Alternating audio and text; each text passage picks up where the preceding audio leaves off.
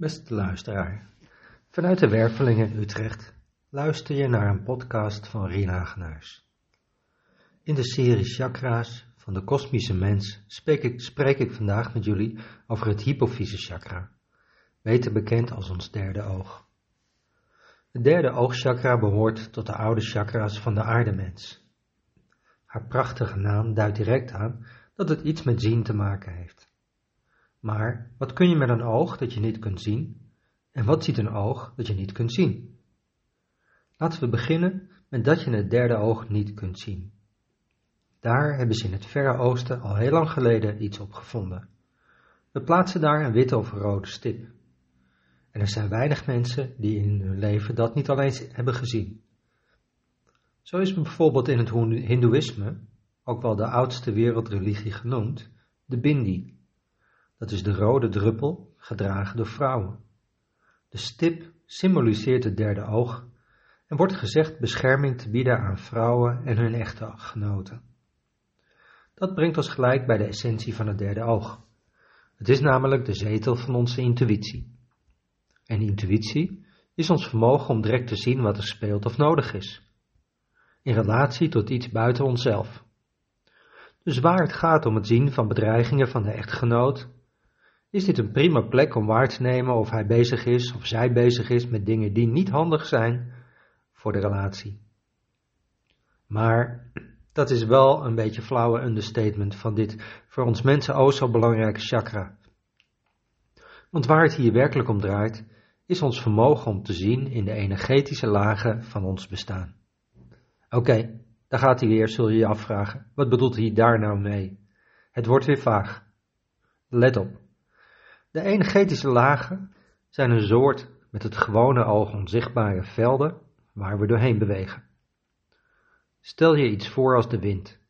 Je kunt door een stevige wind lopen. Je neemt dat waar via de bekende zintuigen als de huid. Je ziet met je ogen de bomen bewegen en je kunt het geluid van de wind horen. Toch kun je de wind zelf niet zien. Je zou kunnen zeggen dat de wind een soort veld is, wat je wel kunt waarnemen, dat het er is en niet kunt zien met je gewone ogen. Zo bewegen we als mens continu door allerlei velden die we niet kunnen zien met onze gewone ogen. Toch werk je er vaker mee dan je denkt. Zo is er bijvoorbeeld de sfeer in een ruimte die je kunt voelen, zonder deze met je ogen te zien. Of het dagje van de rilling die over je rug gaat, wanneer je ergens op een vreemde plek komt. Het is eigenlijk niet zo heel anders dan onze mobiele telefoon. Continu lopen we door stromen van informatie die door de lucht bewegen. 4G, 5G, wat de toekomst nog gaat brengen. Continu beweegt er van alles door de lucht. Films, muziek, foto's. En toch kun je ze niet zien. Tot het op de mobiel komt, die het voor je zichtbaar maakt. Je zou kunnen zeggen dat de mobiele telefoon nog even nodig is als tussenvorm, totdat we als mens direct de informatie uit de lucht kunnen lezen.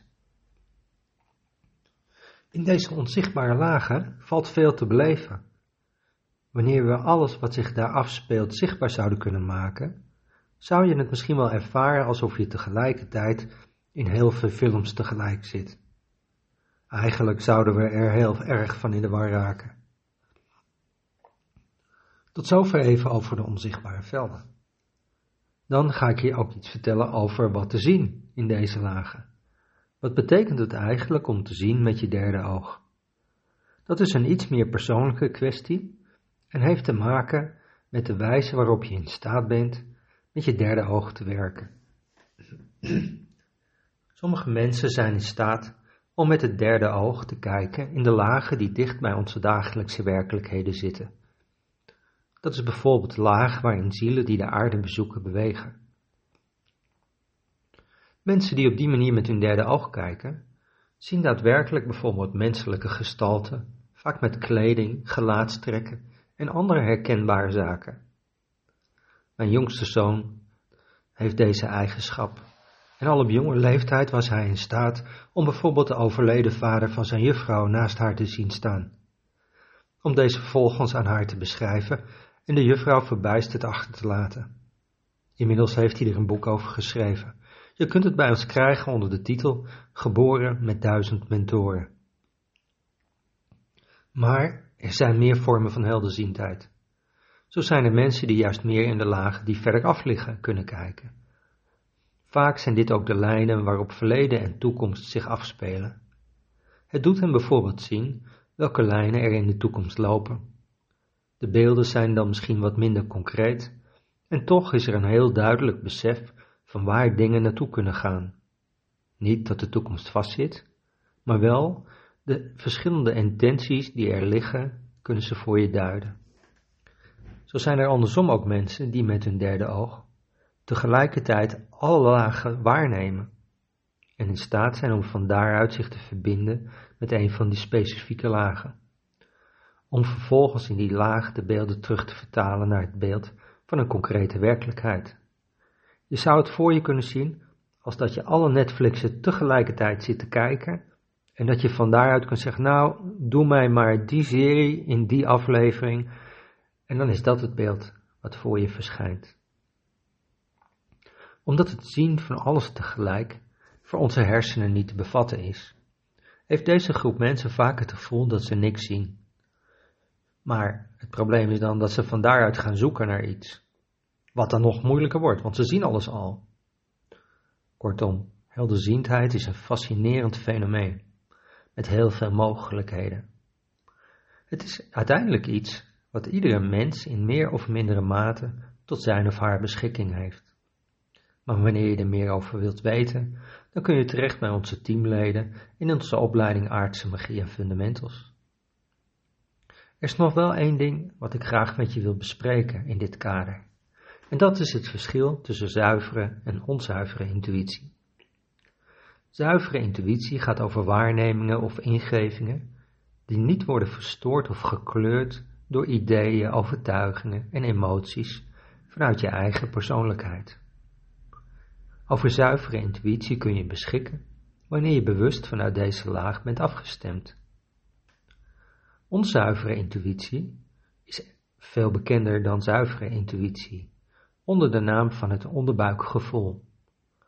Wat er dan gebeurt, is dat je dan jezelf vanuit de tweede laag van het bewustzijn bent afstemt de tweede laag van het bewustzijn heb ik al eerder uitgelegd in een eerdere podcast, dus kijk nog even terug voor de zekerheid. Op dat moment, wanneer jij vanuit de tweede laag zit, werkt je derde oog nog wel, maar in dit geval werkt het via het tweede chakra achter je navel, waardoor je waarnemingen verstoord worden of gekleurd worden door je eigen emoties, je gedachten, je persoonlijke ervaringen. Wat eerst een zuivere waarneming was, raakt daardoor vertroebeld en verandert zomaar in het projecteren van beelden over het origineel. Zoiets als wanneer je naar een bewerkte foto op Instagram zit te kijken, zonder dat je er erg in hebt. Het is juist deze onbewuste beweging die het fenomeen intuïtie voor veel mensen tot iets heel lastigs maakt. De een zweert erbij, de ander vindt het onbetrouwbaar en nietzeggend. Maar wanneer je eenmaal door hebt hoe het werkt, dan is het makkelijker om zelf te bepalen wat je ermee wilt doen. Wil je daar meer over weten? Bezoek dan onze website www.werveling.nl of kom eens langs in de Werveling. We vertellen je daar graag meer over. Ik dank je voor je aandacht en graag tot de volgende aflevering.